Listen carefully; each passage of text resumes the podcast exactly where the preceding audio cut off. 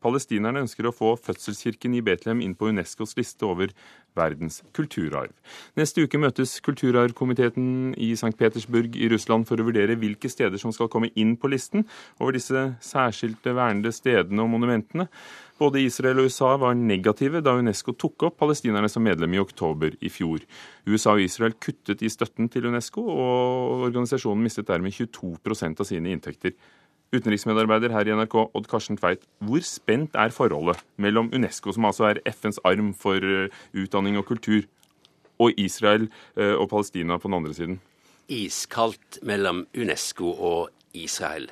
Og det startet, eh, kulden startet da Unesco i grunnen sa at Rakels grav, et helligdom ved Betlehem, og Ibrahim Ibrahimia, Abrahams moské i Hebron, ble erklært for palestinske områder. Dette er steder som israelerne har okkupert, og som driver helt holdent. Men det ble enda kaldere i oktober i fjor, da eh, over 100 medlemsstater eh, gikk inn for at eh, Palestina skulle bli medlem av UNESCO. Da stoppet altså israelerne å gi penger, og det samme gjorde amerikanerne. Så det er, det er liksom helt iskaldt mellom de. Hvordan vil da forslaget, tror du, om å få fødselskirken i Betlehem inn på Unescos liste om verdensarv påvirke dette forholdet? Ja, det er klart at hvis det går slik, så er, har palestinerne vunnet en ny seier. Fordi at de vil jo gjerne bruke FN, de vil gjerne bli medlem av FN. Og det å bli medlem av FNs organisasjoner, som UNESCO, er en vei inn i til å bli fullt medlem i FN. Samtidig så er UNESCO med og viser israelerne at de kan ikke bare okkupere, de kan ikke gjøre som de vil. Dette er områder som er palestinernes, og dette er veldig viktig for det palestinske folket. Torbjørn Urfjell, kommunikasjonsdirektør i FN-sambandet, som altså er en uavhengig organisasjon som informerer om FN. Eh, er UNESCO blitt en del av et politisk spill? Du kan nok kanskje si at Unesco nå er slagmark for en større politisk kamp. Det, det, kan du si. Eh, det er jo den at USA trekker ut pengene som er det som mest dramatiske for Unesco, og som du sa eh, fjerner 22% av rammebevilgninga til Unesco. Eh, samtidig så må jo Unesco gjøre jobben de er satt til, det å ivareta verdensarven.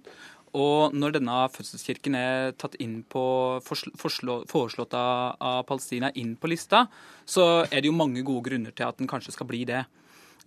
Eh, hva, hva, er det de anfører som gode grunner? Nei, det, det, er ulike kriterier som ligger til grunn. Det er jo det kan være, det er mange kriterier, men det er jo at det har en unik, at det bærer et unikt vitnesbyrd, eh, f.eks. Og at det er et eh, sted som har betydd mye for kulturen. Det er veldig sånn konkrete kriterier du må fylle for å bli en del av denne verdensarvlista.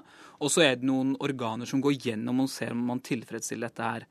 Nå tror jeg at akkurat denne søknaden kan strande på litt teknikaliteter i første runde, og at den blir utsatt for å bli utgreia mer. Men det er jo ingen tvil om at eh, fødselskirken hører hjemme på ei sånn liste. Men Minn oss om hva det betyr å stå på den listen. Ja, Det betyr jo en del beskyttelse av området. Det betyr òg at de som forvalter den, eh, forplikter seg til å eh, stille den til rådighet for eh, menneskeheten, at den er tilgjengelig for folk. Og det er jo ikke bare kirken.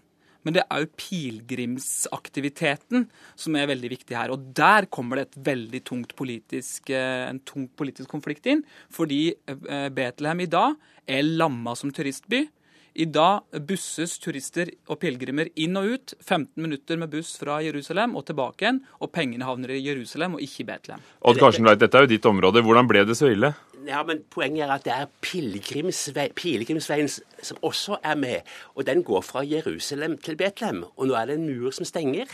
Og det er klart at hvis den også blir med i, i, i verdensarven, så er det klart at da går den gjennom okkuperte områder. Og det blir en helt ny politisk situasjon. Og, og nå snakker du om teknikaliteter. fordi det er et undergruppe av Unesco som har sagt at Palestina har ikke levert en god nok søknad. Og det sier palestinerne. Dette er Israel og USAs forsøk på å forhindre dette.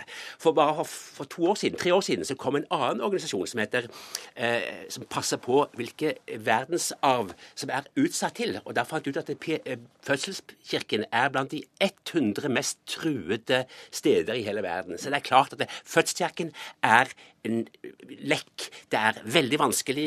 Det er vanskelig. Men ville ikke dette Odd Karsten Tveit, vært egnet uh, for å nettopp roe gemyttene? For dette er jo uh, Jesu fødested, ifølge kristendommen, den mest besøkte attraksjonen i palestinsk territorium. Uh, en kirke som drives av armenere, ortodokse og katolikker. Det kan da ikke være tvil om at, at dette er verdensarv? Og, og det er jo ikke på noen måte knyttet til dagens palestinske folk? Det er, det er politikk, det er okkupasjon. Israels okkupasjon av de palestinske områdene. Det er der det nå sitter. Men nå har alltid fødselskirken vært et slags politisk eh, skisma, eller vært et politisk problem. Krimkrigen i 1853 kom fordi at Frankrike forsøkte å ta over hele fødselskirken mens Russland og osmanerne som styrte, da gikk det krig. Slik at det, det, har alltid vært et skisma. De som har kontrollert fødselskirken, har kontrollert andre ting. Og Sist jul så, så vi armenske ortodokse prester slå hverandre inne i kirken og ble stanset av politiet til slutt. Uh, ja, det, I heftig krangel. Det, det skyldes jo at det er en slags deling mellom de ulike kirkene i fødselskirken. Og ingen vil forandre denne. De, for, de holder på sitt område. Så de kristne kirkene klarer ikke å holde seg fri mellom heller. Det handler om den religiøse konflikten. Vasker du feil stein, så er helsike laus, for å si det sånn. Det, men det gjelder jo det samme i gravkirken også. Der var jeg sjøl for 14 dager siden. Der ser vi jo et yrende folkeliv og levende turisme. Eh, og det er klart at det er samme potensialet i Betlehem, men Betlehems eh, hoteller og restauranter er lamma fordi det ikke er mulig for turister og pilegrimer å reise inn og være der i særlig grad i dag.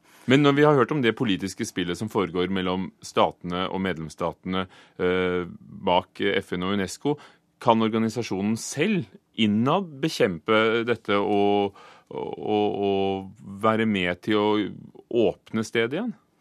Ja, det kan organisasjonen gjøre. Eh, Unesco skal jo behandle dette her på sitt møte nå i St. Petersburg, som du sa. Og der sitter det 21 medlemmer.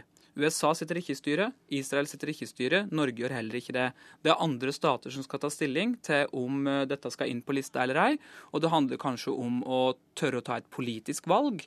Eh, så Sånn sett så kan du godt si at au møtet i St. Petersburg kommer til å bli veldig politisert. Takk skal dere ha. Torbjørn Urfjell fra FN-sambandet og Odd Karsten Tveit, utenriksmedarbeider her i NRK.